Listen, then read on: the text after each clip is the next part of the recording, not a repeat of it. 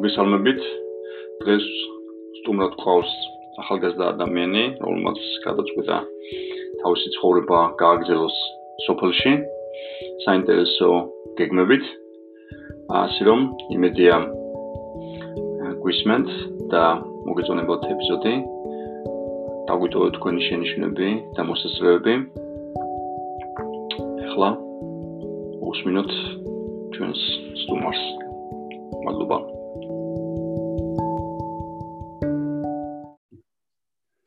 მოგესალმებით, მოკლედ საინტერესო სტუმარი ყოს დღეს.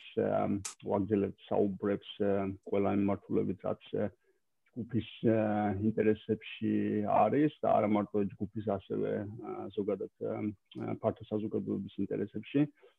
დღეს ვისაუბრებთ ცხოვრების საინტერესო წესზე, რომელიც ძალიან ესე ვთქვათ გადა გადა გადამდები და წამახალისებელი იქნება დაწუნებული ვარ ბევრი ადამიანისთვის. ესე რომ აა გვიყურეთ მოგვისმინეთ დაგვიტოვეთ თქვენი მოსაზრებები. ეხლა პირდაპირ გადავა ნუცა მოგესალმები როგორ ახარ კარგად შოთა შე როგორ ხარ. მეც მეც კარგად ვარ მადლობა რომ ესა ესე იცი რომ მიუხედავად იმისა რომ აა შენ მოშორებული ხარ ქალაქს ძალიან დატვირთული ცხოვრების სტილი გაქვს. მინდა რომ პირდაპირ გადმოვიდე შენ შენთან კითხვით და აა კითხო აა ესე იგი შენი გადაწყვეტილების შესახებ რომ შენ ცხოვრების რაღაც პერიოდი ესე იგი მოშორებული ყავ ესე იგი ქალაქურ აურზაურს და რაღაცნაირად უფრო მყუდრო ადგილში გენახა შენი ცხოვრების გაგრძელება, ამასთან დაკავშირებით მინდა რომ შენი გამოცდილება გითხრა, რაც ფიქრობ ძალიან საინტერესოა. ისმენ. აა მადლობა შენ შოთიკო რომ მომიწვიე პირველ რიგში.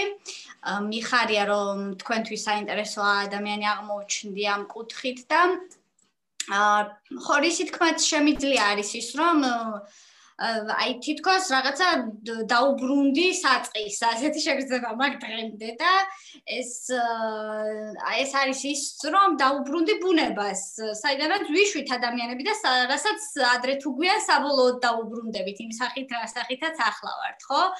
და გულის სიღრმეში თითქოს ეს ყოველთვის მინდოდა აი ჩემი თელი Facebook-ის ქრონიკა ან რა ვიცი Instagram-ის თუ რაც უბრალოდ Facebook-ი უფრო დიდი ხანია რაც მაქვს ხო? რომ ჩამოვსკროლო ყოველთვის სურათები სადაც კი სადმე რამე ყოფილა მიდევ სულ ბუნებაში. ან ბუნების სადმე მივდიოდი ბუნების ფოტო მქონდა ანუ ყველგან ყოველთვის სადაც ყოფილა მივდიოდი მინდოდა ბუნებაში ყოფნა და ეს უბრალოდ აქამდე ვერ ფიქრობდი ამას თითქოს. მეგონა რომ აი ცოტა ხნის წახვალ რაღაცით დაი მუხტები და მოხვალ ისე აურზაურში სინაცრის ფერეში და ეს იყო ცხოვრება ესე მეგონა მე უკვე როგორც ბევრმა თქვენგან მაიცის ან არიცის მე ვიყავი ჩინეთში იქ ეს უფრო გამიმძაფრდა ანუ დღე არ გავიდოდა რომ იქ იყო უზარმაზარი პარკები აქვთ ესეთი კულტურა აქვთ რომ აქვთ აი ძალიან დიდი პარკები. და იმ პარკებში პარკში მივდიოდი ხოლმე მე ყოველ წუთს რავი გაკვეთილი დამიმთავრდებოდა ჩავატარებდი გაკვეთილ სკოლაში გავრბოდი პარკში. ველოსიპედით ელექტროველოსიპედი მყავდა და ელექტრომოპედი. ანუ სულ მიდოდა ეს სიახლოვე სიმწვანე სიმშვიდე. უბრალოდ იქაც ხვდებოდი რომ ეს ის არისო კიდე რაც მე მინდოდა იმიტომ რომ მოგეხსენებათ ჩინეთი მრავალ რიცხოვანი ქვეყანაა და იქ სუ ხალხი იყო ანუ იმ სიმშვიდეს და იმ სიწყლარესაც მინდოდა განმარტოება ბუნებასთან რაღაცებზე ფიქრი თუ უბრალოდ გონების გათიშვა შვა მაინც ვერ ვახერხებდი ამ ყველაფერს და აა ანუ ეს იმის თქმამდე რომ ლატენტურად თითქოს ყოველთვის იდო ჩემში რაღაცა მინდოდა და უბრალოდ ვერ ხვდებოდი ან ვიძახდი რომ მოდი აიცი რა არის ცოტა ხანით და მე რე იქნება? ჯერ ადრეა ჯერ ახალგაზრდა ხარ რაღაცაებს გინდა რომ გააკეთო. მეგონა რომ თითქოს აქ რო გადმოვიდოდი ხელფეხი ასე თუ ისე შემეკრებოდა რაც სრულიად პირიქით მოხდა და დღემდე შოკში ვარ იმიტომ რომ აქ რო ჩამოვედი სამი სამსახური ვიშოვე და შოკში ვიყავი და დღემდე შოკში ვარ იმიტომ რომ ეს ჩემთვის არის წარმოუდგენელი მეგონა ანუ ყოველთვის რაზე ვფიქრობდი რომ მოვაგროვებ რაღაც თანხას, რომ იქ შიმშილით არ მოუკვდე, სანამ თქვათ ჩემს კომბოსტოს მოვიხვა. სულ ესე ვფიქრობდი და თურმე არ ყოფილა, ანუ სამყარომ სხვანაირად მოაწყო ყველაფერი, რომ მოდი იცი რა არის? შენ გააკეთე შენი გასაკეთებელი და დანარჩენი თავისითაც მოვა თურმე და ამ წუთას მოკლედ ძალიან მშვიდად წყნარად ვარ, იმიტომ რომ იმის შიში აღარ მაქვს თქვათ რა ვჭამო ან რა ვიცი მე რაღაც ხო რო ჩამოვედი აა მაგაზე მინდა კითხო რა იყო? მე მე მაგაზე მინდა უცბად კითხა უბრალოდ ძალიან საინტერესოა რაც თქვი შენ რომ ფაქტობრივად შენში ეს ბიძგი აღმოჩნდა დიდ ქალაქში დიდ სახელმწიფოში როგორც ახსენე ჩინეთში ცხოვრობდი და ეს განცდა რომ რაღაც გინდოდა ბუნებასთან კავშირი ხო? ალბათ როგორც შეთქვი, ყველა ადამიანს აქვს ამის მოთხოვნება უბრალოდ ჩვენ ამ მოთხოვნებას ხანდახან ესე იგნორს უკეთებთ ხოლმე და შენ შემთხვევაში რაღაცნაირად ეს გამძაფრებული გზნობა როგორც ჩანს გადამწყვეტი აღმოჩნდა რომ საქართველოს შესაძაც დაბრუნდი თქვი რომ მიუხედავად ყველაფრისა, შენ ჩემ პრიორიტეტ გამოაცხადე პრიორიტეტად მოკლედ ნომერ პირველ პრიორიტეტად რომ შენ ახლოს უნდა ყოფილიყავი აა ბუნებასთან. ვიცი რომ თბილისში და სამხრივ არ არის ადველი იყო ბუნებასთან გასაკუთრებით ალბათ ბოლო პერიოდის იგივე მშენებლობები ისევე ესეთი დატვირთული ცხოვრების წესი.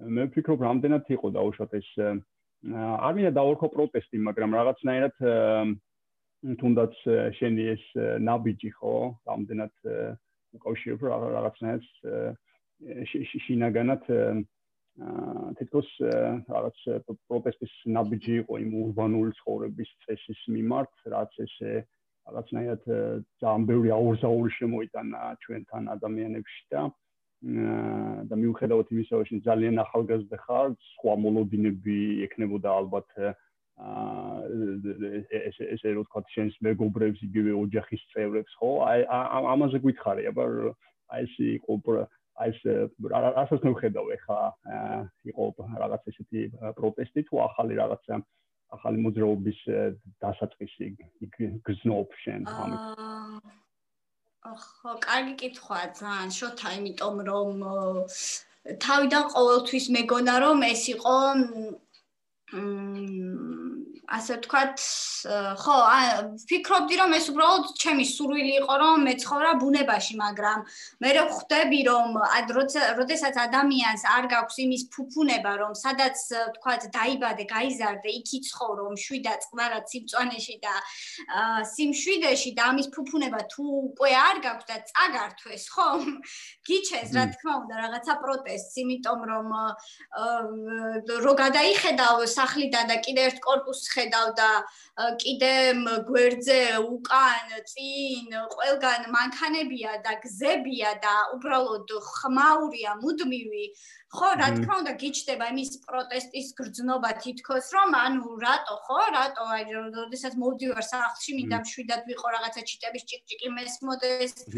ან კიდე რაც ყველაზე უარესია ჩემთვის და ზოგადად კაცობრიობისთვის დღევანდელ სოფლიოში არის ის რომ ვერც კი ხვდებიან რომ ეს რამდენად კარგია. დილით რო გამოხვალ და Google-ის ხმები რო გესმის ეს რამდენად კარგია. ანუ ამას ვერც ხვდები, იმიტომ რომ არიციან, ჩვენ ვერასდროს ვერ მიხვდებით რა არის, თქვათ, როგორი გემო აქვს თაფლს სიტყვაზე სანამ არ გავსინჯავთ, ხო? ამიტომ ეს არც იცის სამწუხარო და ახლანდელმა თაობამ კიდევ უფრო არ იცის, იმიტომ რომ ისინი უარეს ქაოტურ სამყაროში დაიბადნენ და უარეს урბანიზაციაში დაიბადნენ, მოკლედ, რომელსაც ანუ საერთოდ არქიტექტორი არ ყავს, ანუ აი ასეა.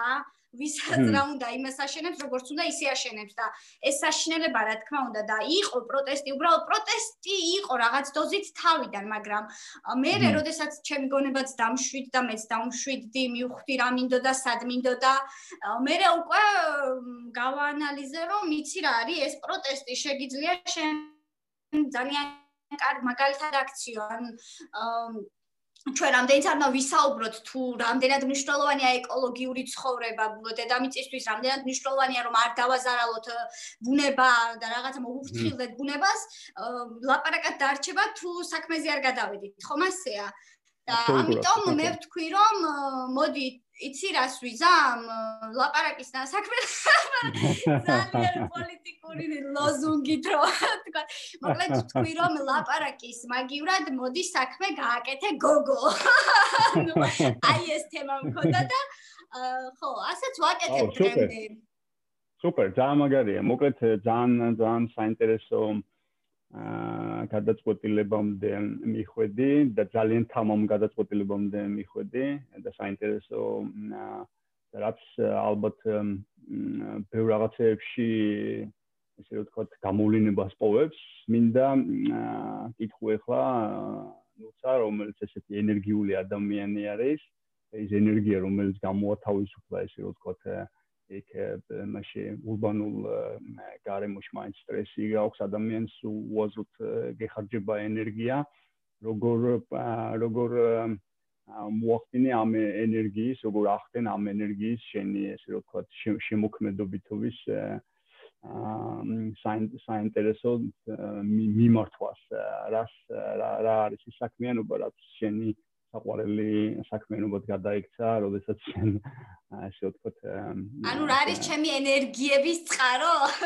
ხო, ხო, ალბათ ეს კარგი ის არის, ხო რა, და შენ რასაც შენ რასაც ლუ კიდე ენერგიას ასევე. მან. ხო. რა თქმა უნდა, ეხა ყველაფერი ამ სამყაროში ენერგიის მიღება და გაცემა, მუდმივი ცირკულაცია ხო ამ ენერგიების და დიდი ხნის წინ, დაახლოებით 7 წლის წინ მივხვდი, რომ უბრალოდ არ შეიძლება ადამიანმა მუდმივად მაგასაც ცომი ჭამო და ბედნიერი იყო ან კარგად იყო, ამის შედეგი სახეზეა, რომ შეიძლება ახალგაზრდა და იმ მომენტში ძალიან ძალიანაც ვერ გრძნობ ამის სავალალო შედეგებს, მაგრამ გავა რამდენიმე წელი და ისევ შეჭები, ხო? ისევ ის ადამიანი ხარ და ამიტომ იმ რამდენიმე წელზეც ვიწევს ადამიანებს ფიქრი, მუდმივად რა თქმა უნდა მომავალზე ვერ ჩავიციკლებით და არც უნდა ჩავიციკლოთ. უბრალოდ რაღაცებში საჭიროა რომ ადამიანმა ცოტა წინ გაიხედო და ეს იყო ჩემთვის ჯანმრთელობა. ანუ დაახლოებით 7 წლის წინ თქვი რომ მე არ მინდა ვიყო, თქვათ, ჭარბწონიანი, იმიტომ რომ პირველ რიგში განა, იმიტომ რომ ესეთი ადამიანები არ მომწონს. არა, პირველ რიგში, იმიტომ რომ ეს ვისაც ვიცოდი რომ აწუხებ და ჭარბი წონა, ხედავდი რამდენ პრობლემის წინაშე იდგნენ, ხო და ამიტომ თქვი რომ მოდი მე ჯერ პირველ რიგში თქვი რა არ მინდა, ხო? არ მინდა ეს და მოდი ახლა რა რა გავაკეთო იმისთვის რომ ვთქვათ არ ვიყო ესე მოდი დავიწყებ ვარჯიშს. და იმ მომენტში არ ვიცი თავისით მოხდა ესე რომ მივედი იოგაზე. აი ესე უცბად მეორე დღეს გადავწყვიტე და მე ინტერნეტში ამოვქექე ნომერი და მოვხვდი ძალიან კარგ ადამიანებთან. და დავიწყე იოგას ვარჯიში პირველად მაშინ დავიწყე ფიქრი საერთოდ კვებაზე, მანამდე რომ აი რაც ხელში რომ მოგხვდება ყველაფერს პირში იყრი ადამიანი ასე ვიყავი.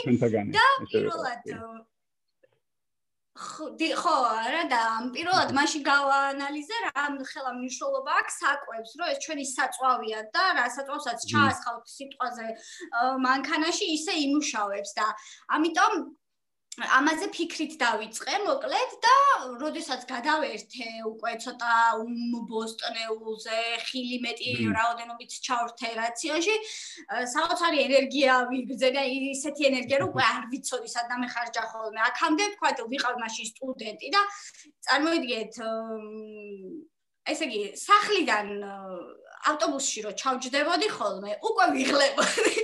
ავტობუსში ვფიქრობდი, ვაიმე, ხა 4 ლექციას რა გაუძლებს? აი, აი უკვე წინასწარ გლოვობდი ამ ყველაფერს.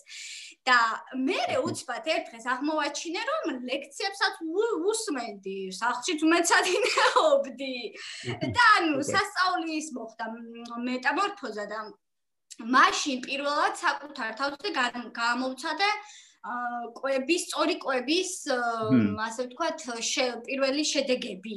და მე უკვე რა თქმა უნდა მილიონჯერ შეიცვალა. ჩემი რაციონი, მილიონჯერ, მილიონი რაღაც დაემატა, მილიონი რაღაც გამოაკლდა, იქ მუდმივად ა იცვლის ყველა, ვცვლი ყველაფერს, იმიტომ რომ უბრალოდ არ შემიძლია ესეთ ერთ დორე წყალში გობა და აა და პირველი ჩემი ენერგიის წყარო არის წყარო არის რა თქმა უნდა ხილ და ბოსტნეული. მე ვეგეტარიანელი ვარ ხორცს არ ჭამ 6 წელი თევზიც არ მქონდა ნაჭამი და რამდენიმე თვის წინ პირველად გავსინჯე და არ მომეწონა იმიტომ რომ ძალიან ცუდად ვიგრძენ თავი და ისევ დამანებე ამიტომ ფაქტობრივად ითქვის რომ აა ვეგეტარიანელი ვარ რომელიც ხო ნუ კვერცხი და ესეთი რაღაცეები მიყვარს.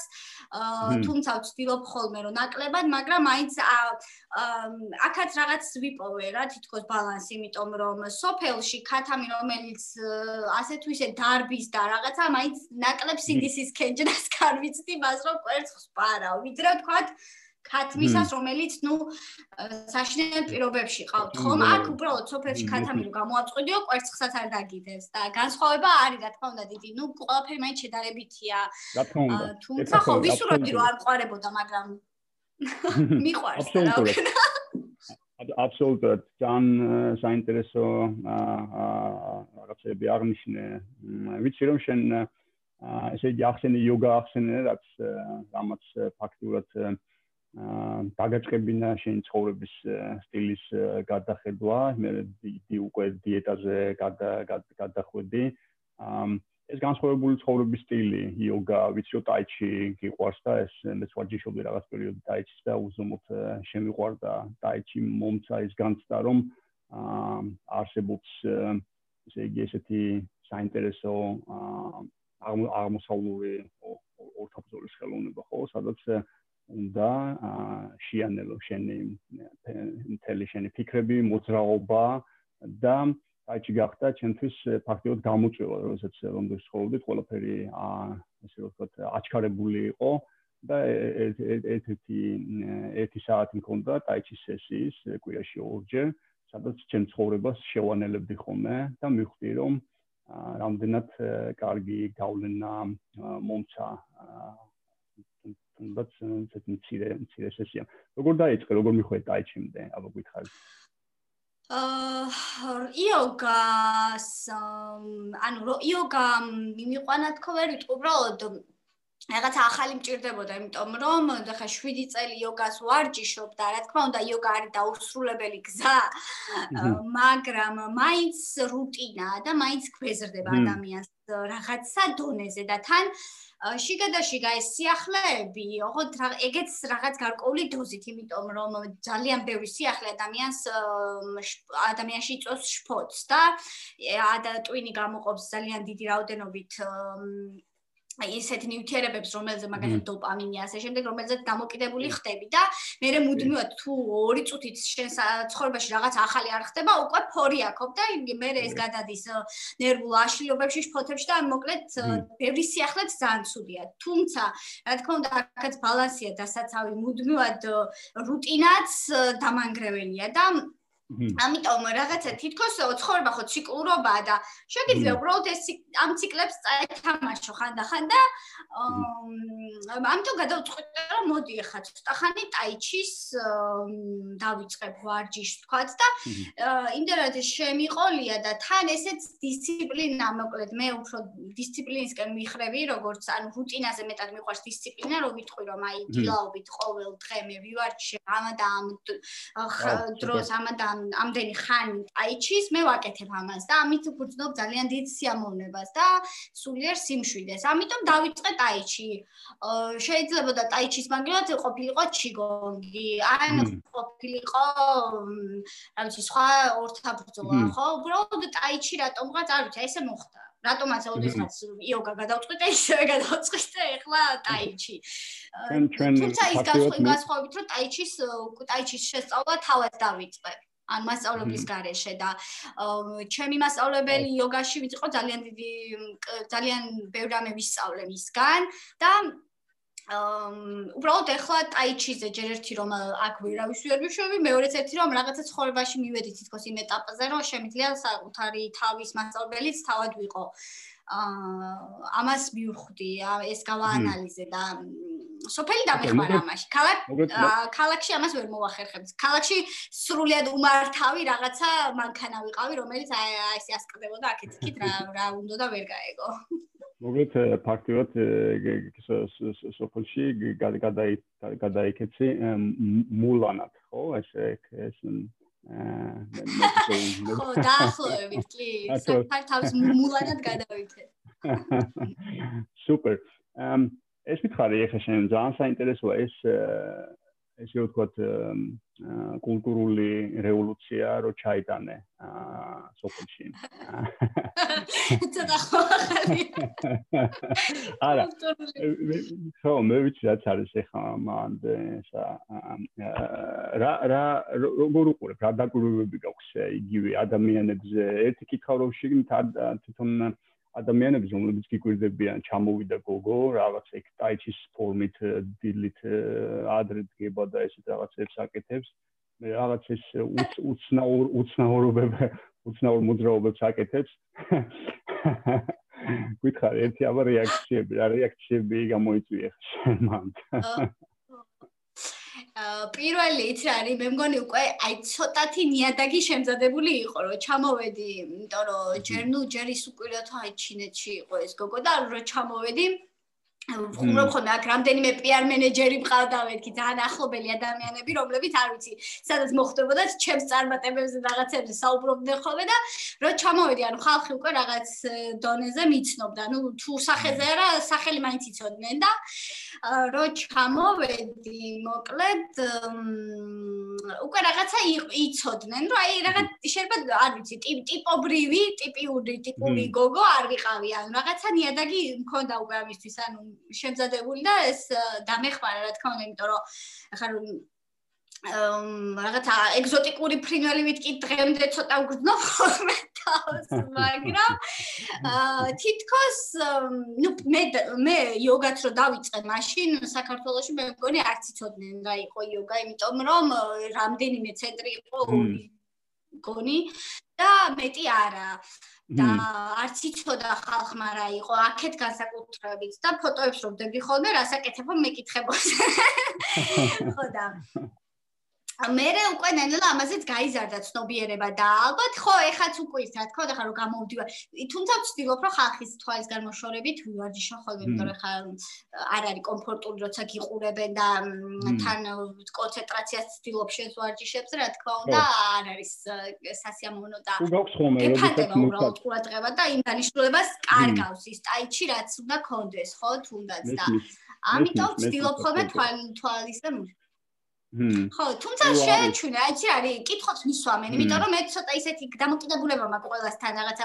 მიყვარს შეხმატკილებულად ურთიერთობები რაღაცა მეზობელთან გამოლაპარაკება, რაღაცა მიყვარს მოკლედ და როდესაც რაღაცა მიყურებენ რაღაცა დაველაპარაკები ხოლმე მე მეკითხებიან რასაკეთებ, მე მე უხსნიას ვაკეთებ, ეხა ბოსტას ვაკეთებ და მეზობლები მთლიანად არიან ჩართულები, რას ვაკეთებ, ძალიან საინტერესებს რა. ანუ ესეთი ტიპის არაფერი უნდა ხავთ და მოკლედ ანუ ამ იმებში კითხავს მისვამენ მეც პასუხობ და მოკლედ ვართ ესე ინფორმაციის გაცვლა გამოცვლა. მე მაგას ვოლობ ისინი ჩემგან და ასე. შეიძლება თამოფეხა ძალიან საინტერესო რაღაცაა იმიტომ ეს ფაქტიურად ყველაფერი სიახლის აღქმა ხანდახან ისე ხდება ხომ მიწოდება ამ სიახლის რომ ხალხს ეშინიათ იმიტომ ნებისმიერი სიახლე ხანდახან საშიშია თუ ის მით უმეტეს და იდენტურობა შეეხება და იმ ცხოვრების წესს, რასაც ადამიანები მიჩვეულები არიან, ამიტომ ძალიან საინტერესოა რომ შენ ფაქტიურად შენი ესეთი ფიზიკურად მანდ გადასვლით. შენ ფაქტიურად მანდაური ადამიანი გახდი, რომელმაც სიახლე მოიტანა. ვფიქრობ რომ ეს მოდელი სიახლის არის ძალიან საინტერესო, იმიტომ რომ როგორც შენ თქვი, შეიძლება იცხოვრო გარეთ, იქ პოსტები წერო, რაღაცები უხსნახავს, რაღაცები იქ ჭკუავითონ არიგო, მაგრამ არ გამოდის არაფერი, იმიტომ შენ რეალურად სხვა ცხოვრებით ცხოვრობ. ხშირად მიფიქრია ხოლმე, რომ თუ რამის გავლენის მოხდენა გაქვს განზრახული, ალბათ რომ არის გამოთქმა, რომ იმ ადამიანის იმ ადამიანის ფეხსაც მდგაიარე რომელსაც ალბათ დარიგებას მისცე ხო ალბათ შენ შემთხვევაში ზუსტად ეს აღმოჩნდა რომ შენ აღმოჩნდი იმ სივრცეში გეოგრაფიულად ძალიან ახლოს ამ ადამიანებთან ამ ადამიანებს რომელსაც გესმის და ალბათ ადამიანები დარწმუნებული ვარ რომ ძალიან დიდი ნდობა გამოიწვიე და ნებისმიერ რაღაცა რაც შენ უნდა არ უნდა შესთავაზო ახლა ამ ადამიანებს ამ ამ შენი მაგალითით ხო? ნელ-ნელა გადამდები იქნება და მე დარწმუნებული ვარ რომ ბევრი ალბათ ახალგაზრდა სადაც შენ ხარ ახლა ხო? სადაც ამ ამ ტერიტორიებზე აუცილებლად დაინტერესდება. იმიტომ ვფიქრობ რომ ადამიანების სიახლეების ძიებაში ვართ მუდმივად უბრალოდ ხანდახან ჩვენ არ გვიხსნიან ხოლმე სიახლეებს კარგად არ გვაწოდიან ხოლმე არ არ ვიცით როგორ როგორ ვიურთიერთოთ ამ სიახლეებთან. როგორი განცდა გაქვს შენ ადამიანებს ეს ცვლილებები რასაც შენ შენ ცხოვრების სტილით შეგაქვს აა ფიქრობ რომ საინტერესო აღმოჩნდება თვითონ ადგილობრივი ადამიანების და შეიძლება უკვე მე ვიცი რომ შენ საინტერესო შეთავაზება გაქვს ასე იოგა ახსენე შეგიძლია მაგასთან დაკავშირებით გითხრა თუ ფიქრობ რომ ეს საინტერესოა.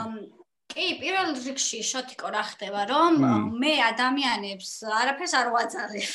საკუთარ დედას და მამას არ ვაძალებ არაფერს, ანუ რადგან გამაჩინეს სიტყვაზე არ ვაძა არ ვაიძულებ, რომ მათ ჩემზე იზრუნონ. აქედან დავიწყოთ, ხო? პირველი შეგნებული რაღაცა, რაც ადამიანმა უნდა გაიაზროს, არის ის, რომ მიუხედავად იმისა, რომ მე არ მithოვია, რომ დედამ და მამამ გავეჩინე, მაგრამ მაინც გამაჩინეს, ისინი მაინც არანაირად არ არიან ვალდებულები ჩემზე იზრუნონ და თუ კი ზრუნავენ, მე ამის ძალიან დიდი მადლობელი უნდა ვიყო და მადლიერი, ხო? და ვარ კიდევაც დღემდე ძალიან ყოველასი ყველა იმ ადამიანის, ვინც ვისაც ჩემთვის ოდნავ მაინც რამე კარგი გაუკეთებია, ასურაც ცუდიც თუ არ გაუკეთებია. და ცუდიც თუ გაუკეთებია, იმისთვისაც მადლიერი ვარ, იმიტომ რომ ესე იგი საჭირო იყო და რაღაცაში ჭირდებოდა ეს. და ანუ არავინ არ არის მოკლედ ვალდებული რაღაცა აკეთოს და არავის არაფერს ვაძალებ, ანუ არც ჩემს მშობლებს, რომ მათ ჩემზე იზრუნონ, საკუთარ თავზე ზრუნავ მე სიტყვაზე, ხო? და ისინი თუ რაღაცას მიკეთებენ, ძალიან დიდი მადლიერი ვარ პირველ რიგში და აა, როდესაც არავის არაფერს აძალებ და შენ უბრალოდ შენი ცხოვრების წესით აჩვენებ, რომ რაღაცა კარგის გაკეთება შეიძლება, მაშინაც კი როცა ამას არავინ გავალდებულებს, ანუ თუნდაც მე რომ გავიქ რაღაცა ხეს და სრულიად არავინ მავალდებულებს ამას, ანუ რაღაცებზე ადამიანები ვიწყებთ მე ფიქრს ხვდები რომ ვა ანუ შეიძლება მე რაღაცა ვაკეთო ისე რომ სულაც არ ვიყო ვალდებული ხვდები და ამ ფიქრებიდან მოდის მე რაღაცა რომ მე შეიძლება ჯარიმა სულაც არ დამიწეროს რომ აი დამიწერო როცა აი ბოთლს მოვისური რუში მაგრამ მოდი არ მოვისრი იმიტომ რომ არ გავაკეთებ ამას. ანუ იმიტომ კი არა რომ მე ვიღაცა მაშინებს და დამაშინებს და დამაჯარიმებს. არა, იმიტომ რომ უბრალოდ ეს კანის აქციელი არ არის. და მე რო იქ რაღაცებს ვაკეთებ, ანუ არავის არაფერს ვავალდებულებ, არ ვაიძულებ, რომ ჩემი ცხოვრების წესით იცხოვრო. მე თუ ყოველ დღე ვარჯიშობ ტაიჩის, არავინ არ არის ვალდებული ყოველ დღე ვარჯიშოს ტაიჩი ან იოგან. არავინ ავალდებული ბოსტანი აკეთოს, ხვდები? მე უბრალოდ ეს მე ვარ და მე ვაკეთებ ამას და ეს უბრალოდ იწვევს ინტერესს. მე უფრო მეტს, რომ შენ არავის არაფერს დაიწყო. თავი რა ინტერესი? კი, არავის აიძულებ რომ რაღაცები ხვეტოს იქ რომ ნაგავიყრია, იმიტომ რომ მივდივარ და მე მათ დაყრილს მე მე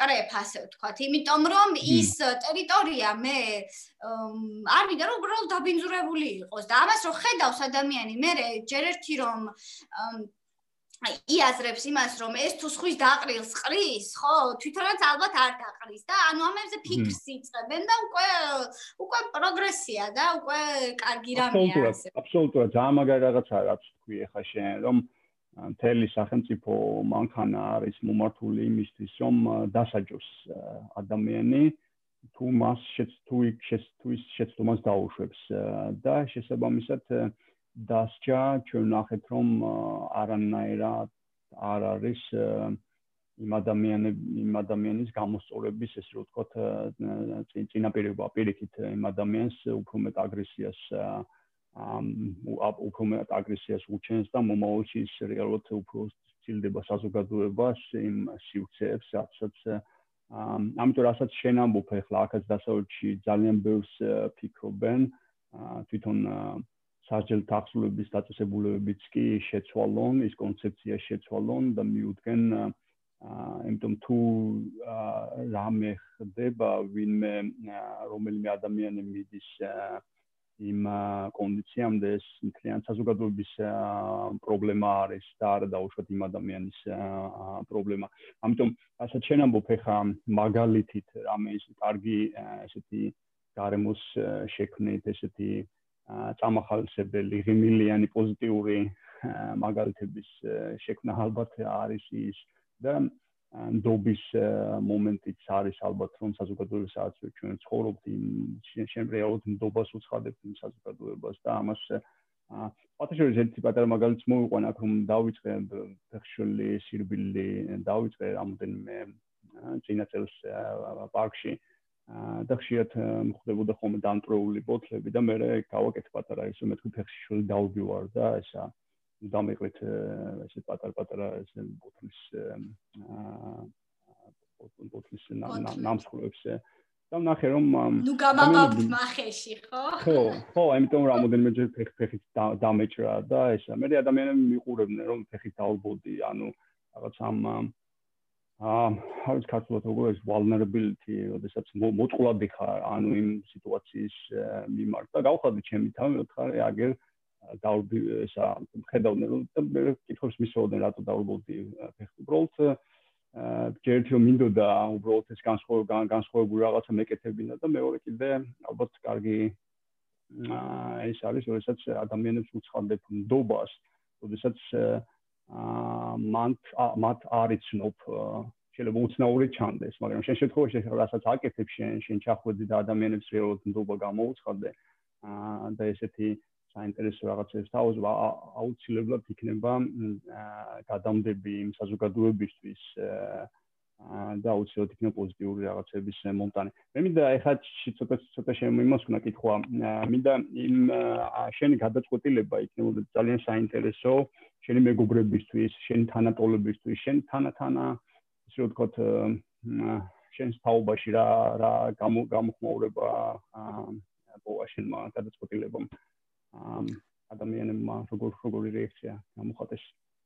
აა როგორი რეაქცია გამოხატეს? რაიგეს მიხვნენ რა რა გააკეთე? ან თუ ხო, აი გეტყვი ახლა. იცი რა არის? ჩემგან არ გაუკვირდათ დიდად, იმიტომ რომ მე ყოველთვის ვამბობდი, რომ ჩემი ადგილი არის ბუნებაში და ამიტომ უბრალოდ ესე მალე არ მოეროდნენ ალბათ, იმიტომ რომ რაღაც ეგონათ, რომ ალბათ რა ვიცი, დაუბერდებოდი და მე გადავიდოდი თუ რა იყო, მეც მეც არ ველოდი და ამიტომ მეც თვითონ მეც მეც მეც მიგვირს და დღემდე მიგვირს მართლა უბრალოდ ხო იმათ არ გაკვირვებიათ. ერთადერთი რაც უკვირს დღემდე ყველას არის ის თუ რატომ არ მინდა ისეთი სამსახური რომ ხშირად მიწევდეს სახლიდან გასვლა. აი ეგ არავის არ ესმის. და ალბათ ერთ ორ წილი სამ წელიწადის წინანდელ ნუცასაც არ ვერ გაიგებდა ნუცაც ალბათ იმიტომ რომ აი როგორ შეიძლება რომ ადამიანს არ გინდოდა ნაკლებად გინდოდეს სახლიდან გასვლა. ნუ მithumetes მე რომელიც აი ხობეყორეს ვედებოდი ყველაფერს მოვედი რაც კი რამე არსებობდა ცხოვრებაში რაც კი შემიძლო რომ სადმე რაღაცა შევხებოდი ხო აი ეს უკვე უფრო იმიტომ რომ ეხლა რომ გამომიჩნდა მე რაღაცა შემოთავაზებები ხან საიდან ხან საიდან ხან საიდან და მაინც კიდე ორ ჭოფობის იმაში ვარ კიდევ თანხმდი და რაღაცა მაგრამ მაინც რომ ჯერ კიდევ ასე ვთქვათ გული რომ გეთანაღრება ასე ვთქვათ ეგ უკვე იმიტომ აი კარგი რა გოგო რა სახლიდან გახვალ რაღაცა და მე ყოველთვის ამას ვამბობ, რომ მე სახლიდან გასვლის პრობლემა არ მაქვს, რომ მინდოდეს მე ძალიან თავისუფლად გავალ. უბრალოდ ჩემ ცხოვრებაში არის ახლა ის მომენტი, როდესაც მე დრო მჭირდება ჩემს ეზოში. იქ რაღაცები მაქვს შესაქმნელი, გასასუფთავებელი, გასაკეთებელი, 1000 იდეა მაქვს, რომელიც უნდა განახორციელო და მე მჭირდება ამისთვის დრო და სახლში ყოფნა, რომ ეს ყველაფერი სისრულეში მოვიყვანო, ხვდები? დილით 9 საათზე რომ მე სადღაცა სამსახურში და ვიყო, მე ამით ფრთები მეკვეცება. აბსოლუტურად შეთანხმებით. ხო, და ამიტომ ეს არ ესმის. ნუ განსაკუთრებით ჩემი ოჯახის წევრებს არ ესმით ხოლმე, იმიტომ რომ რაღაცა აი სამსახური, სამსახური, სამსახური, ანუ ჩემს მოსწავლებს, რომელიც 14 მოსწავლე მყავს, ანუ სამსახურად არ აღიქვამენ, იმიტომ რომ არ გავდივარ ყოველ წუთას სახში და სუ ფორიაქში არ ვარ და შემიძლია წამოვკოტრიალდე და ისე ჩავატარო გაკვეთილი რა. ეს არის ჩემს ცხოვრების წესი, ან მე ესე ვგრძნობ თავისუფლებას. სუპერ, სუპერ, სუპერ. მოკლედ შენ რასაც აკეთებ ხა ხო ეს არის რა ქვია. ფაქტიურად ეს არ მე მე გეთანხმები არის თაობებს შორის განსხვავება სხვათა შორის მამაჩემ დღემ დღემდე ვერ გაიგო რომ როდესაც ჩემს კარიერას ჩამოშორდი რატო რატო რატო ალბათ ჯერ ალბათ ბევრმა ჩემო მეგობარმაც რომ არის პერიოდები ცხოვრებაში როდესაც რაღაცა უნდა დაასრულო რაღაცა უნდა დაიწყო.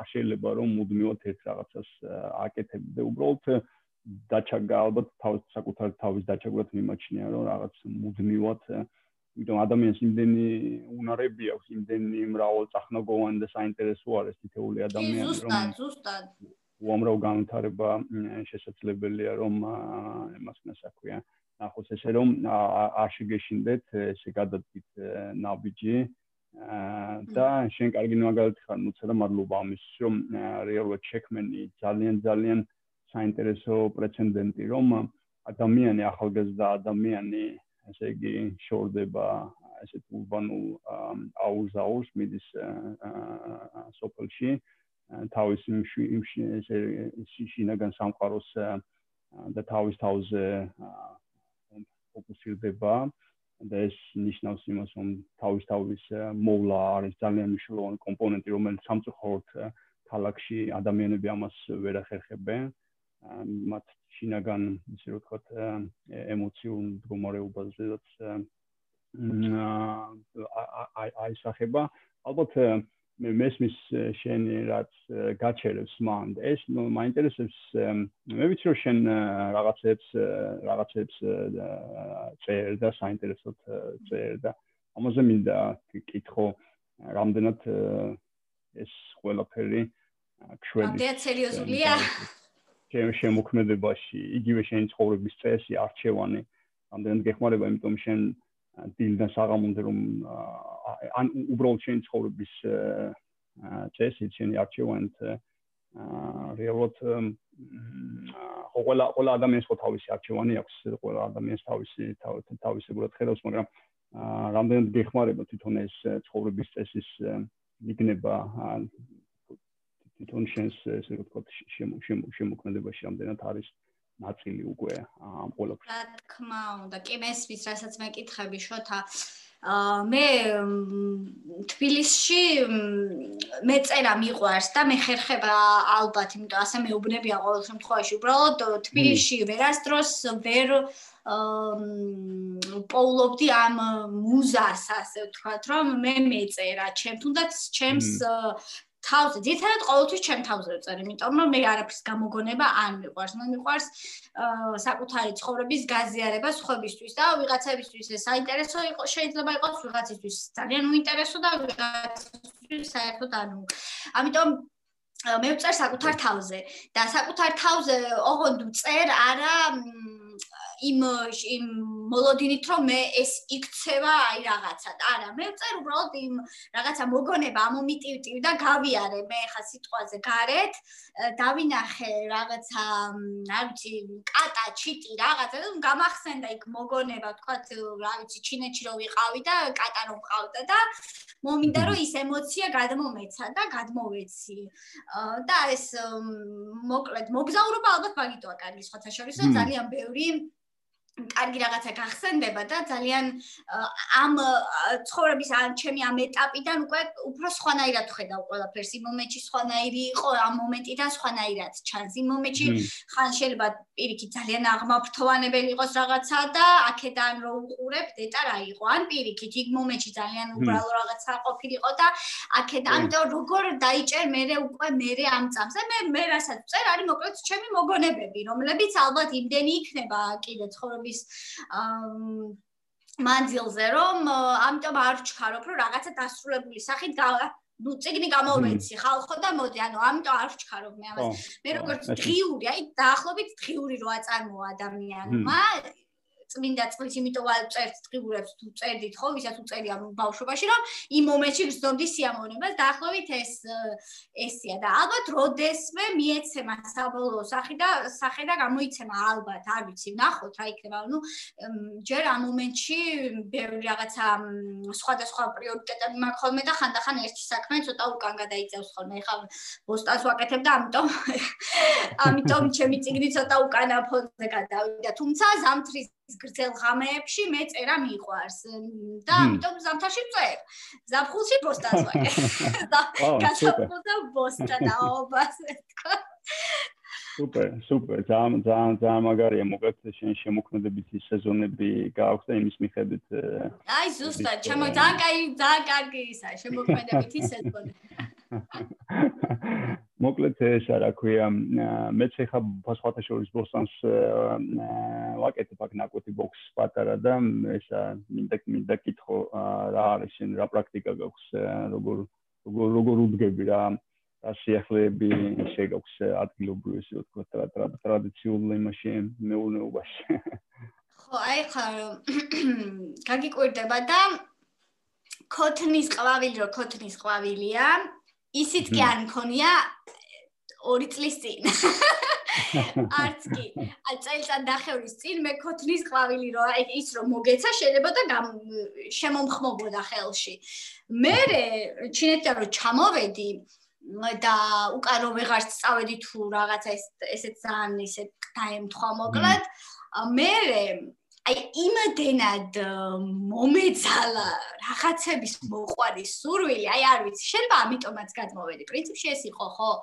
რომ ნუ სახლში ოჯახის წევრი ყავდა მწერებით შეკლული, რასაც ქვია, ჭერში ბუზები იქ, იმიტომ რომ აკეთებდი კომპოსტ სასუქს, რომელიც საკვები ნარჩენებისგან კეთდებოდა ქალაქში, წარმოიდგინეთ, ნუ ხალხს გიჟივე გონე ჩვეულებრივი, კორპუსის ბინაში ვაკეთებდი კომპოსტ კომპოსტს. ეს ვინც იცის რა არის არის საშინელი მყრალი მასა ამ თუ მოკლედ და ოჯახი ყავდა შეკლული და ეს რა ქვია ბუზები მწერები თუმცა პამიდორი მაინც მოვიყვანე ბოთლებში. და ეს პროფესორის ნახე ეს პროფესორის ნახე ეს შენი პამიდორები ბოთლებში. ხო და მუდმივად კომპოსტს ვაყრიდი რომ მოკლედ მოისხა თორე ბოთლში ახლა პატარა სივრცეა და ვერაფერი ვერ ისხამს და აკვები არა მართალია და იმდენად მოკლედ მივხვდი რა მინდოდა აი ეს მინდოდა რაღაცა მიყვანა ჩემი ხელით რაღაცა ისე მინდოდა მიწასთან ურთიერთობა რომ უკვე აღარ ვიცოდი რა მეკეთებინა ვეღარ ვფიქრობდი რა რა უნდა მეკეთებინა და მოკლედ გადმოვედი აქეთ და ჩემი ცოდნა აი ამ ხრივ მოკლედ გავიღრმავე დავიწყე ფაქტობრივად შესწავლა ამ ყველაფრის. ზუსტად იმ პომიდორები პომიდორებით როდესაც მომინდა რომ მე მომეყვანა პომიდორი თესლი რა იყო ცხოვრებაში აი მაი მიწაში არ მქონდა ჩაგდებული და აი ისიც კი თავიდან ვისწავლე რამდენ სანტიმეტრზე უნდა ჩაფლო ეს თესლი რომ მე მიწა რამდენ მიაყარო და მოკლედ ან დააზრზე საერთოდ მიწარო თურმე რაც შავია უკეთესია იმიტომ რომ გამოყვებილია და მოკლედ ყველაფერი თავიდან და უბრალოდ მე ვიცოდი რა მინდოდა. მე მინდოდა რომ ეს ყველაფერი ყოფილიყო ბიოლოგიურად სუფთა ყოველგვარი რაღაცა იმების შხამების გარეშე. აი ეს ვიცოდი, უბრალოდ არ ვიცოდი როგორ. და ამ ამ რო ძიება ძიებაში ამასაც მივაგენი და თურმე ძალიან მარტივი ყოფილა, იმიტომ რომ ჩვენ ჩაგჩიჩინებენ რომ ჩვენ თუ გვინდა ძალიან ბევრი რაღაცის მოყვანა და აი აი აი კარგი რაღაცების მოყვანა უნდა წამლოთ, შხამოთ და რაღაცა კლათ წერები და ეს არის საშინელება, ანუ აი ეს ამაზე დიდ კატასტროფას ალბათ ადამიანი არც არ ვიცი, ცოტა ოდნავ გონზე მოსული ადამიანი ამას არ დააკეთებდეს, მოკლედ შეიძლება შეურაცხყოფასავით გამომდის პრინციპში, მაგრამ ხშირ შემთხვევაში მექანიკურად ვაკეთებთ, იმიტომ რომ არ ვიცით უბრალოდ სხვა რა ვაკეთოთ, ხვდებით? და ეს არის ძალიან ცუდი რაღაცა და მე მინდა რომ ჩემ მე ვიყო ესეთი მაგალითი, იმიტომ რომ თუნდაც დავიწყე პატარათი, მაგრამ გავფართოვდები აუცილებლად და მინდა მაგალითი ვიყო რაღაცა ბიოლოგიურად მოყვანა შესაძლოა თუნდაც იმ კარტოფილს რაც არ ჭირდება ბევრი რომ მოიყვანო თუ რამდენიც იქნება რაღაცა საშინელებები და შეგიძლია რომ მოიყვანო ადამიანმა ბიოლოგიური გზა გეთანხმები, აბსოლუტურად გეთანხმები, რასაც ამბობ, ეხლა მეც გამოცადე აქ ძალიან პატარა ნაკვეთზე. აა ძალიან საინტერესო ის მოსავლის მიღება ეხა კარტოფილი ახსენ და გამახსენდა მაგაზე. აა ეხლა ხანს გამოვიდა ესეთი ციგნი ხო ფუკუ ფუკუოკას ციგნი ჩალის ღერის რევოლუცია და ეხლა შენ გამახსენე მაგით რომ ესე იგი აა არანაირ პესტიციდები მაგია მიწასთან მიწასთანაც მიკმიკარებაც კი იმ ადგილობრივი მთლიანად ეკოსისტემის მოშლა მთლიანად მიწის სტრუქტურის მოშლაც ეს ფაქტიურად ბერმა ადამ მაგიტომ ვამბობდნენ თავიდანვე რომ ეს ცოდნა რომელიც ჩვენ ჩაიტანე ხო ეხლა ალბათ ძალიან პრაქტიკული ცოდნა არის უკვე თვითონ მოსახლეობისთვის და მაგასთან დაკავშირებით მინდა კითხო რომ რამდენად დაუშვათ ეს მეთოდი რასაც შენ იყენებ საინტერესო გახდა ადგილობრივი ადამიანების იმიტომ რომ ფაქტობრივად მიწა არის ეს. ორი მეზობელი ავიყოლიე უკვე. ორი მეზობელი ავიყოლიე უკვე და ცდიან თვითონაც. მეც ჯერ კიდევ ცდების რეჟიმში ვარ, იმიტომ რომ ხო, გეუნებით მანამდე მე მიწასთან შეხება არ მქონია, თუმცა აი აი ნაწლავების კი რომ მკარდა ხო, რომ გზაზე ვარ. აი ეგ თემა მაქვს და ჩემს ნაწლავებს ვენდობი მოკლედ. მე ექვსე გრძნობასთან ნაწლავებს და ამიტომ ანუ ყველაფერი კარდა ხობს რომ ვაკეთებ სწორად. მე მიწას არ ვეხები, მიწას არ ვაზიანებ. ყველაფერი არის ისე როგორც დამხვდა, უბრალოდ მე ვეხმარები მიწას. და მართლა ჩინური ანდაზა რო ამბობს ხო, ძალიან კარგად ამბობს რომ ჭკვიანიო სულელიო ზრდის სარეველასო ჭკვიანი ზრდის მოსავალს და ბრძენი ზრდის მიწასო და მე ვზრდი მიწას. მე მთელი აქცენტი მაგ გაკეთებული მიწაზე. მე ვანუ ყირებ მიწას იგივე ჩემი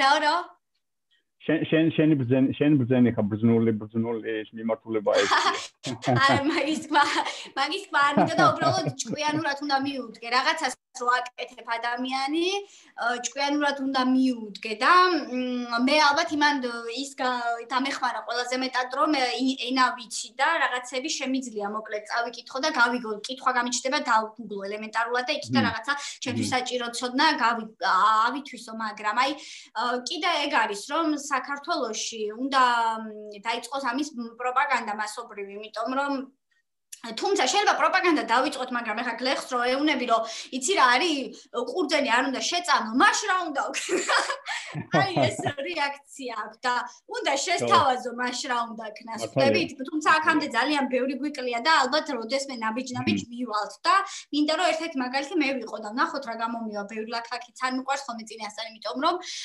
იქნება დარგა თემი აზრით უკვე შენ ძალიან ბევრი რაღაცები გამოგდის და ძალიან კარგად გამოგდის, იმიტომ რომ გამოსვლა არის ზუსტად ის, ხანდახან ადამიანები ფიქრობენ რომ რაღაც ისეთ რაღაცებს უნდა მიაღწიონ, რაღაცები უნდა თითქოს ისეთი მასალიზდეს, რომ ეს არა ქვია. რომ მე ამაზე თითქოს წლები უნდა გავიდეს და ეს ადამიანებმა უნდა ისაუბრონ და ჩემი საზრით გამოსვლა არის ზუსტად ის, რასაც შენ აკეთებ უკვე პროცესია რეალურად ის ის შედეგი, რასაც შენ უკვე იმოშვები ჩემ და ამას აა ფიქრობ რომ ძალიან საინტერესო აა ცვლილებების ესე ვთქვათ ინდიკატორი გახდი მან და ზუსტად იმ ცვლილებების და ეხლა ვფიქრობ რომ ალბათ ყველაზე საუკეთესო მოდელი რაც შეიძლება ყოფილიყო შენ მაგას ამკვიდრებ ნუცა იმიტომ რომ ადამიანებს ადამიანებთან იყო ესე ფიზიკურად და ასევე აა გესმოდეს ადგილობრივი გარემო აძლევდე ინფორმაციას აა ცოდნას არის უზარმაზარი დახმარება და იყო შესაძლებელი ასევე კითხვებისთვის, თუ ადამიანს კითხვები ექნება, შენ შენ ალბათ ატომებული რომ შენთან მოდიან და ის ორი ადამიანი რო ახსენენ, ეს ორი ადამიანი უკვე ხვალ 100 და 1000 იქნება, იმიტომ რომ მე კიდევ ამბობ რომ ადამიანებს უყვართ სწავლა, გაგება, უბრალოდ ყოველთვის უწუნებ იმ მეთოდს. თუმცა არა აქვს ყოველთვის, კი. კი, კი, ყოველთვის ფიქრობ რომ ის მეთოდი რა მეთოდიც ადამიანებს უნდა მიეწოდოს ეს სიახლე. შენ რახან ამ განათლებასთან დაკავშირებით მინდა კითხო შენ ასწავლი და ვითხარი აბა რა ასწავლი და რამდენად ფიქრობ რომ ეს რასაც ძალიან ბევრ მიმართულებებზე ასწავლე ხა შენ მაგრამ იქიდან საერთოდ ძალიან ძალიან ბევრზეც არა, მაგრამ რაც მე მაინტერესებს და რაშიც თავის დროზე ძალიან დიდი ენთუზიაზმით ვისწავლე და დღემდე ვაგრძელებ მე პროცესია მუდმივი ჩემთვის რაღაცა შეისწავლო და მორჩეს არ არსებობს. ამიტომ ხო პირველ რიგში პირველი რაც იყო ჩემი შემოსავლის ძირითადი წყარო არის ინგლისურში მყავს მოსწავლე და ვამეცადნებ დისტანციურთა და მე ძალიან კარგი რაღაც გამიკეთა, იმიტომ რომ დისტანციური პლატფორმებზე ხალხი უფრო მეტად ანუ ცნობიერება მეტად ამაღლდა და მიუხვდით რომ იმისთვის რომ რაღაცა ვისწავლოთ არ არის აუცილებელი სახლიდან ვიაროთ და უაზროთ წინ და უკან ვიაროთ მოკლედ. მაგას ვასწავლი აპრილიდან ვიწყებ იოგას ინსტრუქტორობას Redison Collection-ში ხო და ასევე თუ ყველაფერი კარგად იქნება, მოკლედ კიდევ ერთი შემოთავაზება მაქვს, ჯერ არ მინდა ამებზე საუბარი, იმიტომ რომ ნახოთ რა მომავლის თემა არის. და რა თქმა უნდა, მაინც უფრო მე ჩემი ორიენტირი მაქვს ის, რომ საკუთარი შევქმნა. მე ვარ ტიპაჟი, რომელიც მოკლედ მოკლედ თავად ქმნის და არა თქვა სხვისთვის ქმნის. და ამიტომ მე მე ჩემი თავისთვის მინდა რომ შევქმნა და მაინც ყოველთვის ესეთი ორიენტირი მიჭირავს. უბრალოდ ხო, შიკადაში რაღაცები შეიძლება რომ შეითვის, შეითავსო, ამიტომ ხო, ვასწავლი ინგლისურს ძირითადად, ჩემი შემოსავლის ძირითადი წყარო არის ეს. მოკლედ ვიტყვი რომ მასწავლებლად ვარ დაბადებული. ჩემი აზრით, იმიტომ ძალიან მიყვარს და მეუბნებია კიდევაც რომ კარგი გადმოცემის უნარი გაქვსო და რა ვიცი, ნახოთ კიდევ რა იქნება მომავალში. სუპერ, ძალიან მაგარია, ძალიან მაგარია. არა მარტო გადმოცემის, არამედ ფიქრობ რომ კლიენტად ეს შენი დამოკიდებულება ცხოვრების წესი, რა ვიცი, შეხედულო ფილოსოფია. ხო, მასწავლებელი ხო ეგ არის, რომ არ შეიძლება მასწავლებელი იყო მარტო ერთ სფეროში რაღაცა. ჩემი აზრით უკვე მოგეთხოვება კიდევაც, რომ ადამიანებს მისცე რაღაცა სხვადასხვანაირი საზრდო. მასწავლებელი არ არის მარტო ის, რომ ინგლისური ვიცოდე კარგად და ვიყო დეგენერატი, ხო? ამიტომ მასწავლებელი არის ადამიანი, რომელიც ჩვენთვის უნდა იყოს მისაბაძი ადამიანი, იმიტომ რომ მე მყოლია ძალიან კარგი მასწავლებლებიც და მყოლია ძალიან ცუდი მასწავლებლებიც და აა თუმცა ორივე ბევრი რამე მასწავლა ორივე კატეგორია, მაგრამ რა თქმა უნდა კარგი იყო და იქნება დარჩება. აი აქედან ვერ ამოიხლება. სუპერ, ძალიან მაგარია. მინდა კითხო ადგილობრივები თუ არიან და უშუალოდ ადგილობრივი და ბავშვები იგივე ინტერესი თუ არის, რომ დაუშვათ მათმა ინგლისური ისწავლონ ან ან ნებისმიერ რაც რაც ხო ამ შემთხვევაში ინგლისური, იმიტომ რომ ინგლისურზე ინგლისურზე წდომა ძალიან ბევრ ახალგაზრდას აძლევს საშუალებას და ამეთანხმებში ამის კარგი მაგალითია რომ ადამიანები მიწვენ დანარჩენ სამყაროს და ბევრი რაღაცები შეცვალონ, არ ჭირდებათ მანდ გეოგრაფიულად ძალიან ბევრი გადაადგილება, მათ შეუძლიათ თავიანთი გონებით გადაადგილნენ ძალიან უამრავ ადგილზე და ეს ესე ვთქვათ, საზრდო მიიღონ, ამიტომ ჩვენ სამწუხაროდ ჯერჯერობით საქართველოს ქართულ ენაზე არ არის იმდენი ინფორმაცია, იმდენ კვლევაზე ხელმისაწვდომობა, რომ ბავშვებს დაუშვათ ახალგაზრდებს, ვინც სოფლებში ცხოვრობენ ხო? აქვთ ეს უზარმაზარი ენერგია და გონება გახსნობა. და ერთი ჩემის აზრით რაც რასაც ხედავ რომ და ამ მიმართულებით ალბათ და უფრო მეტი ძალისხმევა მოხდეს როგორც მშობლების მხრიდან ასევე თვითონ ბავშვების მხრიდან რომ ისწავლონ ენა, რომელიც მათ დააკავშირეთ დანარჩენ სამყაროსთან და ეს ამ შემთხვევაში ამ შემთხვევაში ალბათ ინგლისური შეიძლება ჩვენ შეიძლება არ ვიცი რომ მე მეკერძოებული ვარ, მაგრამ ვფიქრობ რომ არა, ფაქტი ფაქტია. ხო. ფაქტი ფაქტია ინგლისურის გარეშე ამ ეს უკვე გლობალური ენა გახდა ფაქტობრივად და ამის garaშე ჩავთვალოთ რომ რა ვიცით ის ის რასაც მოგვაწოდიან და შეიძლება სულიად რაღაცა ისეთი ინფორმაციები გვაწოდონ, რომ კაი ხანი გვეგონოს მართალი ან ტყუილი ან რა ვიცი, მოკლედ და გადამოწმების გარეშე კიდე რა არის, ხო, ცხოვრება.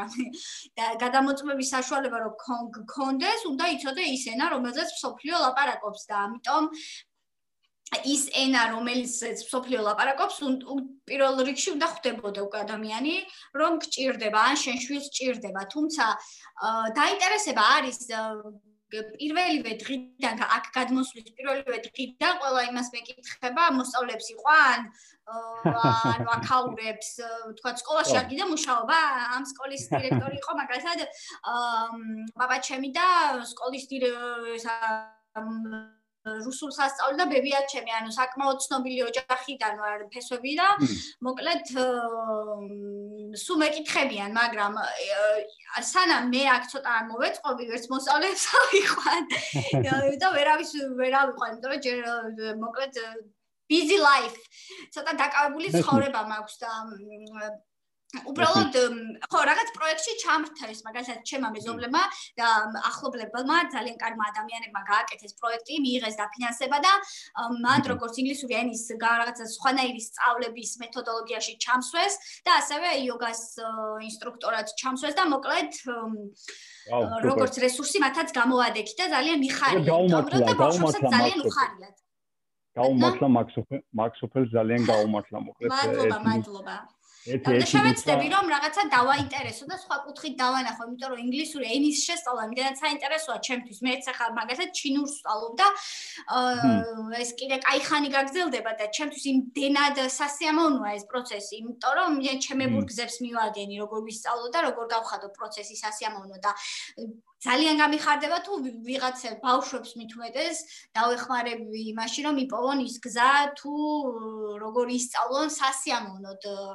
ენა და არა რაღაცა იძულე. იძულების პრინციპში ვერც ვერაფერს ვერ ისწავლე უბრალოდ თუ ვერ შევაყვარებ არ შევაძულო მაინც. სუპერ მოკლედ ჩვენ საინტერესო ფაქტიურად ყველა მიმართულებით საინტერესო ალტერნატივა გაქვს შეეხება მიწათ მიწის დამუშავებას, იოგას, განათლებას, მუშაო სამუშაოს და ასე შემდეგ და ასე შემდეგ. მოკლედ ძალიან საინტერესო ალტერნატიულ სიახლეებს აა სიახლეები ჩაიტანე და ეს ძალიან ბევრი ადამიანის აა მართლაც აა ეს ძალიან ბევრი ადამიანი ამას დაწუნებული ვარ რომ კარგად კარგად გაიგებს ყველა სიახლეს აქვს რაღაც ესეთ რეზისტენტულობა თუმცა როგორც თქვით აუცილებლად როდესაც დაინახავენ სარგებელს ამ სიახლის სარგებელს აუცილებლად ბევრი ადამიანი გახდება მოსვნე. მინდა კითხო რომ ალბათ ვიცი რომ ძალიან საინტერესო ძალიან საინტერესო მოსაუბრე ხარ და უამრავი რაღაც თემები შეიძლება ესა რა ქვია ესე გავაგზავნოთ და დაუფაროთ თუმცა მინდა კითხო რომ იმ სიძნელეებზე ალბათ სირთულეებზე რაც დაუშვათ შენი გადასვლასთან დაკავშირებით იყო თუ თუ თუ ქონდა ესეთი რაღაც რაც ამაც დაგაფიქრებათ ქვი რომ აი აი ესეთი უნდა მიხედოთ სანამ დაუშვათ რაღაც მეორე ეტაპზე გადავალთ. აა სხვათა შორის რასაც მივხვდი ძალიან კარგად ჩემი აკადემოსვლით არის ის რომ ყოველთვის თურმე მართლა ჭირს პირველი ნაბიჯი. როგორც კი ამ პირველ ნაბიჯს ადამიანი გადადგა ყველაფერი ისე რიკინ რიკინ რიკინით მიდის რომ ვერც კი წარმოიდგენ რომ ასე შეიძლება და ყოფილიყო და თუმცა რა თქმა უნდა იყო სირთულეები იყო ის რომ რო გადმოვედი ისე მალე დამიზამთრ და მოკლედ თან თანხაც არ მქონდა არაფერი ისეთი და კაი ხანი მოკლედ ამ სოფლის ტუალეტში ვირბინე წინ დავკან სიცივეში ვრეც ბიოტუალეტი მეთქი თან მოკლედ თან ხუმრობდი. ეს ძალიან კარგია სხვა შორის მინდა მე მომავალში კომპოსტირებადი ტუალეტი უბრალოდ ესეთი ფორმით არა რაღაც საშინელება არ უნდა ყარდეს ხო? და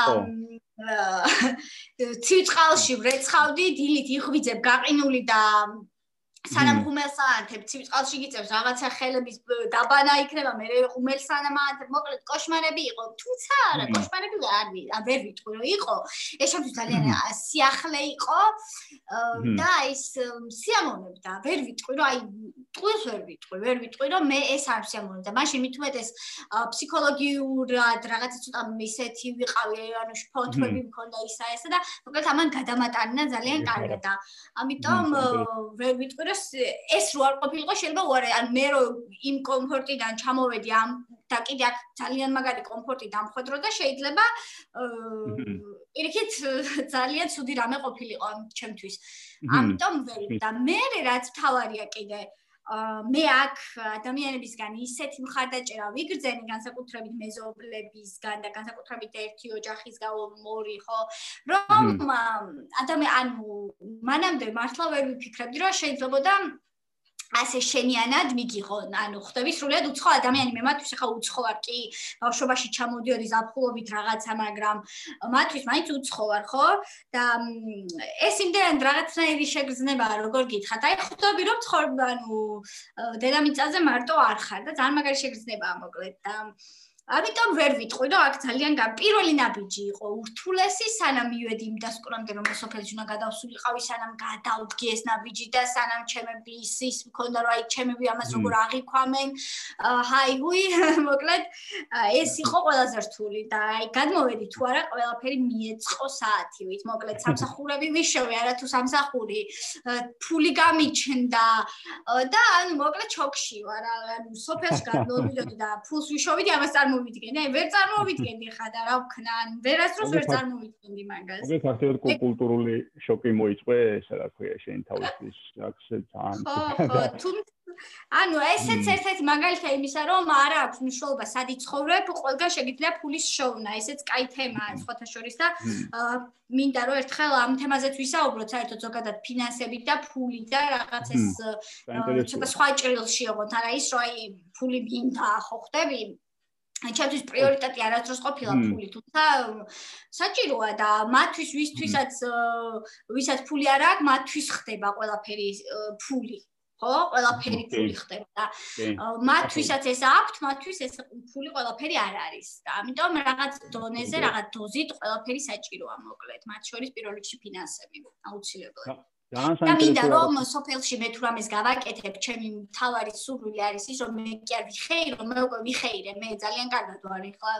ჩემს ბედს აღლი არ დაყებს. მე მინდა უბრალოდ რომ ჩემ გარშემო ადამიანებიც ასევე კარგად გრძნობდნენ თავს, გინდა მატერიალურად და გინდა სულიერად და პირველ რიგში, როდესაც მატერიალურად გაქვს ეს კომფორტი მოწყობილი რაღაცა, მე რეიწებ.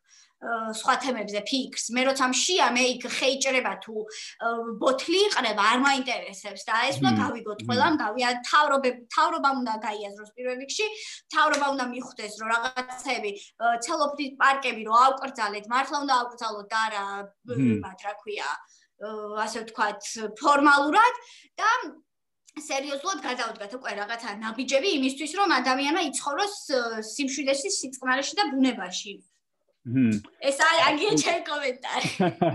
სუპერ, ძალიან ძალიან მაგარი იყო, რაც რასაც შეეხე შენ თვითონ დამოკიდებულებას ფულთან დაკავშირებით და ადამიანების თვითონ ეს ყველაფერი პერსპექტივა არის, რამდენად ადამიანები ხედავთ აა რა არის ღირებულებები, ხო?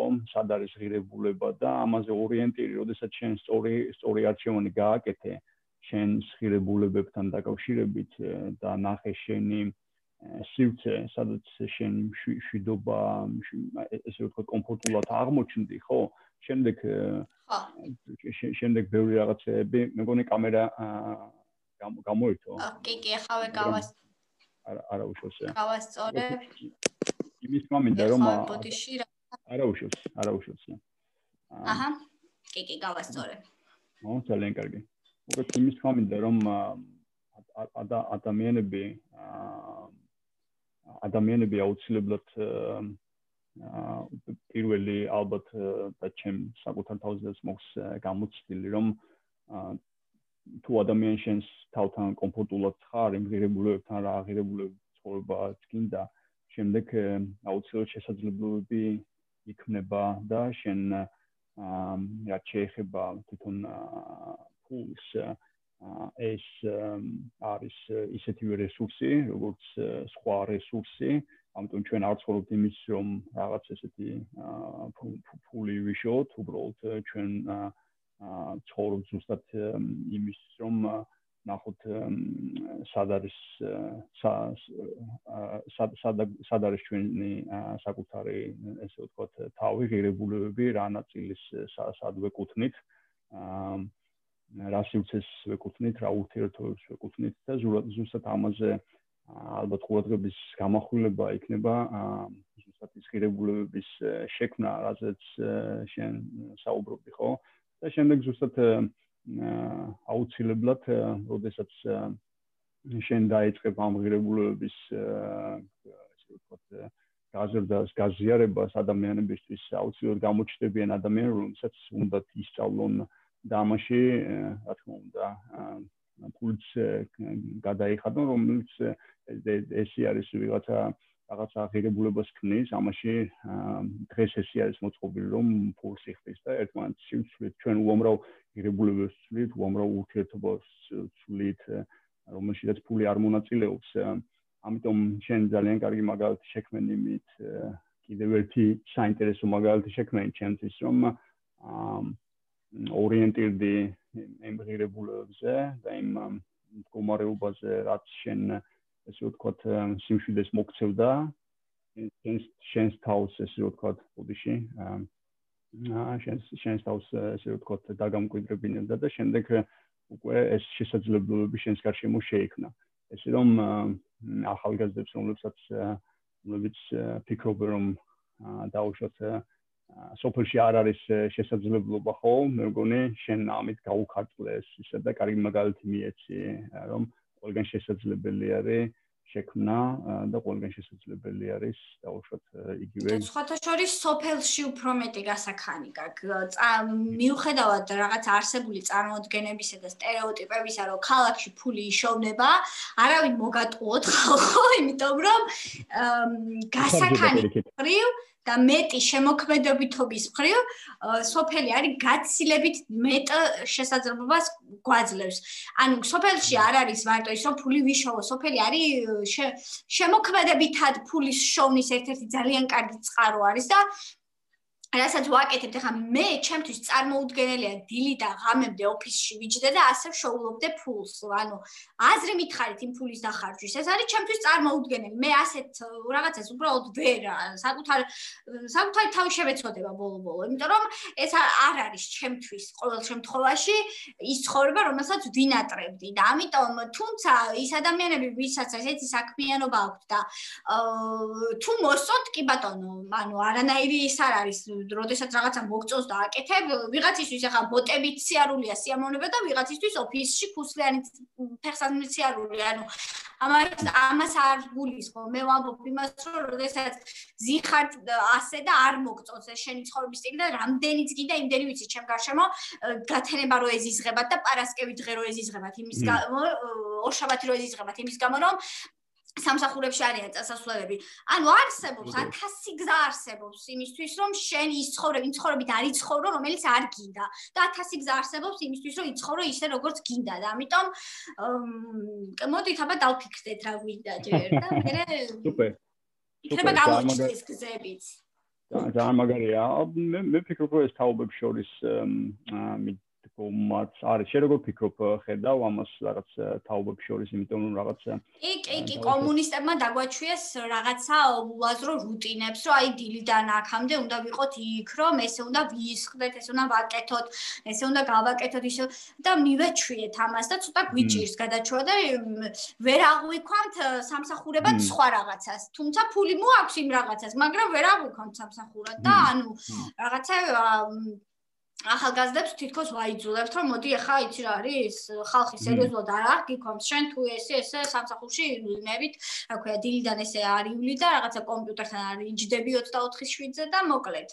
არის კი თაობათა შორის განსხვავებები და რაც უფრო მეტად იქნება თაობა სიახლეებისადმი მწყურვალი და მზად რომ ყველანაირი სიახლე აითვისოს მით უკეთესია რა თქმა უნდა სუპერ, სუპერ. მოკლედ მოკლედ დიდი მადლობა ჩვენ უამრავ თემას შევეხეთ. მე მგონი საინტერესო საუბარი გამოგვივიდა.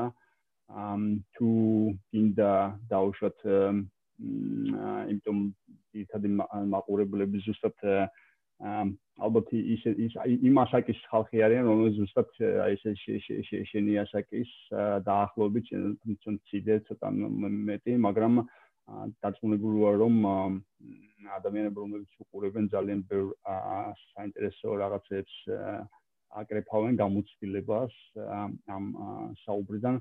თუ გინდა რაღაცნაირად რაღაცნაირად ბოლო სიტყვები ამ გადაცემაში გაუზიარო არჩევები მისი ადამიანები რომლებიც აა დაუშვათ კითხვის ნიშანს სვავენ როგორ გააგრძელონ ცხოვრება ან არჩევან როდესაც არჩევანი უბრალოდ აა შენ უკვე ბედამბერი საინტერესო არჩევანი გააკეთე რა იქნება და უშოთ შენ რჩევა ამ ადამიანების მიმართ რომელსაც უნდა თუ რაღაცა შეცვალო და შეიძლება ეს ცულება თავიდან აშინებთ ან რაღაცას არაკომფორტულად ამ გომორებაში აყენებთ. აა პირველ რიგში მინდა გაიაზრონ, გავიაზროთ სწორედ რომ ეხლა მე ჩემთანაც ველაპარაკე რომ აა მოკლედ სამყარო არის თლიანად მისტიკა, ხო? ყველაფერი არის მისტიკა. ჩვენ გარშემო ადამიანები ვართ თვითონ რაღაცა სა ვინ ვართ, ვიცით, რა ვართ, საერთოდ რა ხო არ ვიცით. ამიტომ ეს მისტიკურობა გადავიტანოთ ყველაფერში და გვწამდეს რომ ჩვენ თავარია დავიწყოთ რაღაცა ის რაც გვინდა ნამდვილად და როცა დავიწყებთ უკვე აი ეს მთელი მისტიკურობა და მთელი ეს მაგია უკვე თავისით ხდება, იმიტომ რომ როდესაც ვიწყებთ იმის კეთებას, რაც გულით გვინდა და ნამდვილად გვინდა და ხვდებით რომ ეს სასიცოცხლო დაუცილებელია, ყველაფერი მართლაც კოელიოს სიტყვების არ იყოს, სამყარო იწყებს დახმარებას და ეს ესია და რა ფორმით მოვა ეს დახმარება არავინ იცის მოვა მეზობლის სახით თუ იმის სახით რა ქვია არ ვიცი სამსახურის სახით თუ რა რისი სახით არ ვიცი ჩემი ოთხფეხა მეგობრების სახით თუ ანუ რა სახით მოვა ეს არავინ არ იცის და არც არის საჭირო ამისო და თავარია გააკეთოთ ის რაც გულით გინდათ და გადადგათ აი ეს პირველი ყველაზე რთული ნაბიჯი და დანარჩენი უკვე ისე ადვილად წავა, ისე ადვილად რომ თავადაც გაოცებული და აი ასე ა. ასე. სუპერ, სუპერ. მოკლედ ძალიან შეთი ძალიან საინტერესო საუბარი გამოგვივიდა სანამ დაგემშვიდობები, მინდა კითხო 4 4 ფეხა მეგობრები ახსენ და რა ქავს რომელი რომელი მეგობარი ქავს? აა მე მყავს პირველი შვილი. ეს არის ავიყვანე ძალიან დიდი ძაღლი რომელსაც ტყვია ესროლეს სამწუხაროდ და გაუკეთდა მე ოპერაცია და აღარავის უნდა და მისი შვილა დაყვანა ასე ვთქვათ და მე ავიყვანე იმიტომ რომ ძალიან შემეცოდა თან რაღაცა მინდოდა მოვლა მინდოდა რაღაცა აი არ ვიცი ეს სურვილი მქონდა რომ მომევლო რაღაცისთვის და მოვუარე ავიყვანე შემდეგ ორი კატა ვიპოვე რუში ჩაყრილია სახლის წინ, რა თქმა უნდა ვერ დავტოვებ და მოვიყვანე სახლში. შემდეგ ერთი ლეკვი იპოვა ჩემმა მეგობარმა და ვერ გავაშვილეთ და მოვიყვანე სახლში. შემდეგ მეორე ლეკვი ვიპოვე ფეხმოტეხილი და ნახევრად გაყინული და რა თქმა უნდა ვერ დავტოვებ და მოვიყვანე და იმედია სია აქ დამთავრდება, იმიტომ რომ ჩათვალეთ რომ დედა ჩემი და მამა ჩემის ან მე გამაგდებენ, ან ამ ჩემ ცხოველებს ან ერთად ყოველას. ამიტომ ხო, ასეც იმაში ვარ. ჩვენ ერთად ვართ ერთ ფერმაში, იაიაო. მოგეთ, ძალიან დიდი მადლობა, ძალიან სახალხოა და საინტერესოა ადამიანი ხარ და ძალიან ბევრი საინტერესო რაღაცები გაუზიარენ სმენელს, რომ დაწუნებული ვარ ძალიან იხალისებს ამ გადაცემით. მოგეთ, დიდი მადლობა მინდა გითხრა. ესეთი მადლობა შენ შოთიკო. ნუ კავშირი, კავშირი, თავარია კავშირი, მოკლედ ბოლო სიტყვები ეგ მინდა. დავიჭიროთ კავშირი ყველაფერთან, რომ რაღაცა ცალკე მდგომი ის არ ვართ ვიღაც აქ და აქ აქ აქ აქ არ ხდება ცხოვრება, ყველაფერი ერთმანეთთან არის კავშირში და აი ეს ვუსურებ ყველას ჩვენს მსმენელებს ამ კავშირის პოვნას და აღდგენას ვუსურებ მოკლედ, იმიტომ რომ ეს ამის garaშე მოცხოვრება ძალიან მოსაწყენი და რაც თავარია ძალიან დეპრესიული იქნებოდა და როგორც კი ეს კავშირი აღდგება, ყველაფერი ისეთი ლამაზი და ნათელი და ხასხასაა, რომ მან წარმოუდგენლად ცხოვრება ხდება წარმოუდგენლად ლამაზი, მოკლედ ამის თქმა მინდოდა. სუპერ, სუპერ. ეს ბალანსი შენ ნახე, ეს კავშირი ნახე და ძალიან საინტერესო მო ასე რომ თქვა მაგალითი მიეცი ძალიან ბევრ ახალგაზრდას შენ თანატოლს. მოკლედ დიდი მადლობა მინდა რომ მინდა რომ საინტერესო ცხოვრება გაქვს და მინდა რომ ეს საინტერესო ცხოვრება ბევრ ადამიანს და დაწუნებული რომ მადლობა, მადლობა შენ შოთიკო, რომ ესეთ კარგ საქმეს აკეთებთ და ვეგან ჯორჯიასაც, იმიტომ რომ დროა ადამიანებმა ცხოველებისადმი მოპრობასაც გადავხედოთ, აღარ არის პრიმატული ხანა, როდესაც ადამიანი ხორცის გარეშე ვერ გადარჩებოდა, უამრავი არჩევანი გვაქვს, უამრავი რაღაცის გაკეთება შეგვიძლია თუნდაც მარტო ბოსტნეულისგან და ხილისგან და თხილეულისგან და ასე შემდეგ. შეგვიძლია ამ ყველაფერს გადავხედოთ და რაღაცები გადავიაზროთ. მოკლედ აღარ ვარ თქვის ხანაში.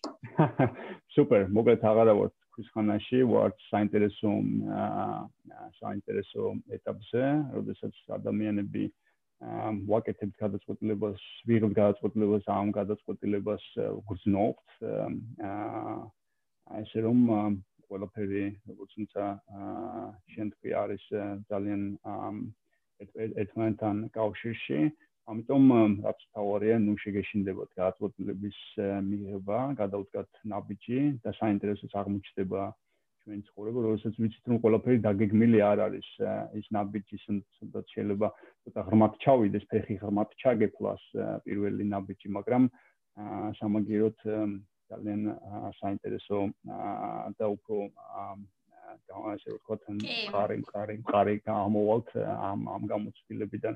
უკეთ დიდი მადლობა, მინდა წარმატებები გისურვო და ეს ენერგია, რომელიც გაქვს ეს ოდნა, დაწუნებული ვარ, რომ ძალიან ბევრ ადამიანს ახალისებს და საინტერესო მაგალითი შექმნის. მოკლედ დაგემშვიდობებით, ჩვენ კიდევ ვაგრძელებთ. ახვამდის და კიდევ ერთხელ დიდი მადლობა.